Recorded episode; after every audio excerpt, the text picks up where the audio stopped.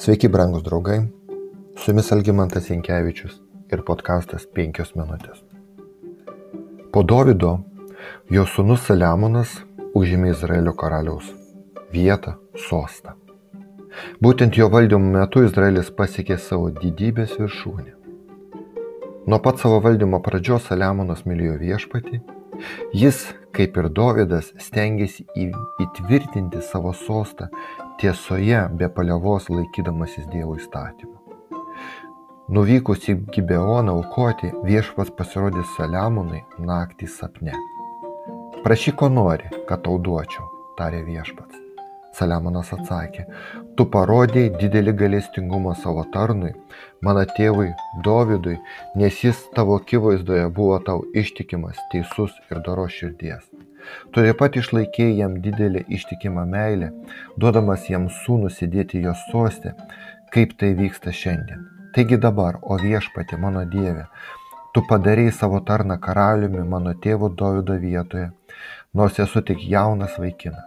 Dar nežinau nei kaip išeiti, nei kaip pareiti, o tavo tarnas yra tautoje, kurią tu išsirinkai, gausioje tautoje, kuri dėl gausybės negali būti nei suskaičiuota, nei suskaityta. Todėl suteik savo tarnui imlę širdį, kad galėtų valdyti tavo tautą ir suprastų, kas gera ir kas pikta, juk kas kitaip gali valdyti šią gausią tavo tautą.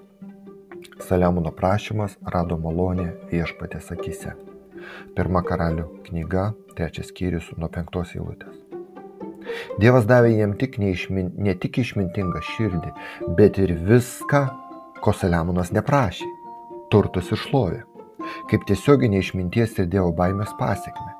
Tačiau viešpats perspėjo Saliamoną sakydamas, jei eisi mano keliais laikydamasis mano įstatų ir įsakymų, kaip tavo tėvas Dovydas suteiksiu tau ilgą gyvenimą.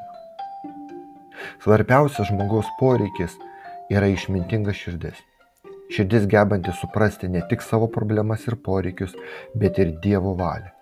Niekur negalima geriau suprasti pagrindinės išminties prigimties, kaip žodžiuose, kuriuos vėliau parašė pats Saliamonas ir randame patarlių devintame skyriuje. Pagarbi viešpaties baimė išminties pradžia, o šventojo pažinimas - protas. Pagrindinis dalykas yra išmintis. Štai išminties pradžia įgyk išminties, įgyk supratimo, nors tai kainuotų visą, ką turi. Patarlių ketvirtas skyrius. Kuo daugiau atsakomybės žmogus yra pašauktas nešti, tuo labiau jam reikia protingos, išmintingos širdies. Turintis valdžią savo rankose turi suprasti kitų problemas, kokia ta valdžia bebūtų ir kokios formos ji bebūtų, ir ieškoti būdų joms spręsti.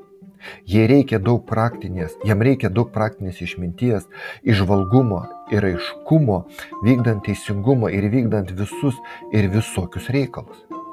Viena iš pagrindinių Saliamono funkcijų buvo spręsti sudėtingas bylas, kurias jam perduos žemesni teisėjai, aišku, jei jie neras atsakymų. Vienas tokių atvejų aprašytas Biblijoje. Dvi kartu gyvenusios moteris atėjo pas karalių laukdamas teisingo karaliaus sprendimo jos negalėjo pasidalinti vaiku, taip, taip, vaiku. Viena sakė, tai mano vaikas, o tavo mirė, kai tu mėgojai, o kita sakė, ne, jokių būdų, tu pakeitei mano vaiką savo mirusiu vaiku. Tada karalius įsakė, atneškite man kalaviją. Atnešus karaliui kalaviją, karalius tarė, padalykite gyvą į vaiką į dvi dalis, duokite pusę vienai ir pusę kitai.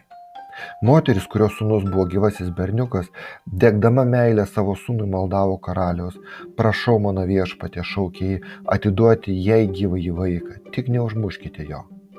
O kita reikalavo, ten nebūna nei man, nei tavo, padalykite.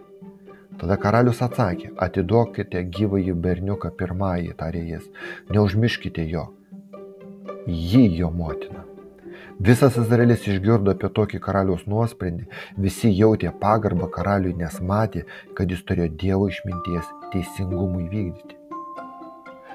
Ar galėtumėte prašyti Dievo kažko tai? Jei galėtumėte, ko prašytumėte viešpatės? Ar jūs prašytumėte išminties? Ačiū Dievui, jis pats nori apdovanoti kiekvieną savo vaiko išmintimi. Pirmam Jokūbo pir, laiške pirmame skyriuje yra parašyti tokie žodžiai. Jei kuriam iš jūsų trūksta išminties te prašo dievą kuris visiems dosniai duoda ir nepriekaištauja ir jam bus suteikta. Tegul prašo tikėdamas nė kiek neabejodamas nes abejojantis žmogus panašus į jūros bangas varinėjamas ir blaškomas vėjo šį tekstą brangus draugai noriu užbaigti iš patarlių antros skyriaus nuo šeštos eilutės. Juk viešpats duoda išminties iš jo lūpų ateina pažinimas ir supratimas. Jis turi parengęs sveikos išminties doriesiems jis yra skydas tiems kurie elgiasi be priekaišto. Jis saugo teisingumo takus ir gina savo ištikimųjų kelią tada suprasi kas teisu ir kas teisinga kiekvieną gerą taką ir kas dora nes išmintis ateis į tavo širdį ir pažinimas džiugins tave apdairumas tave auklės, o supratimas gins. Su jumis buvo penkios minutės ir Algimantas Jankievičius.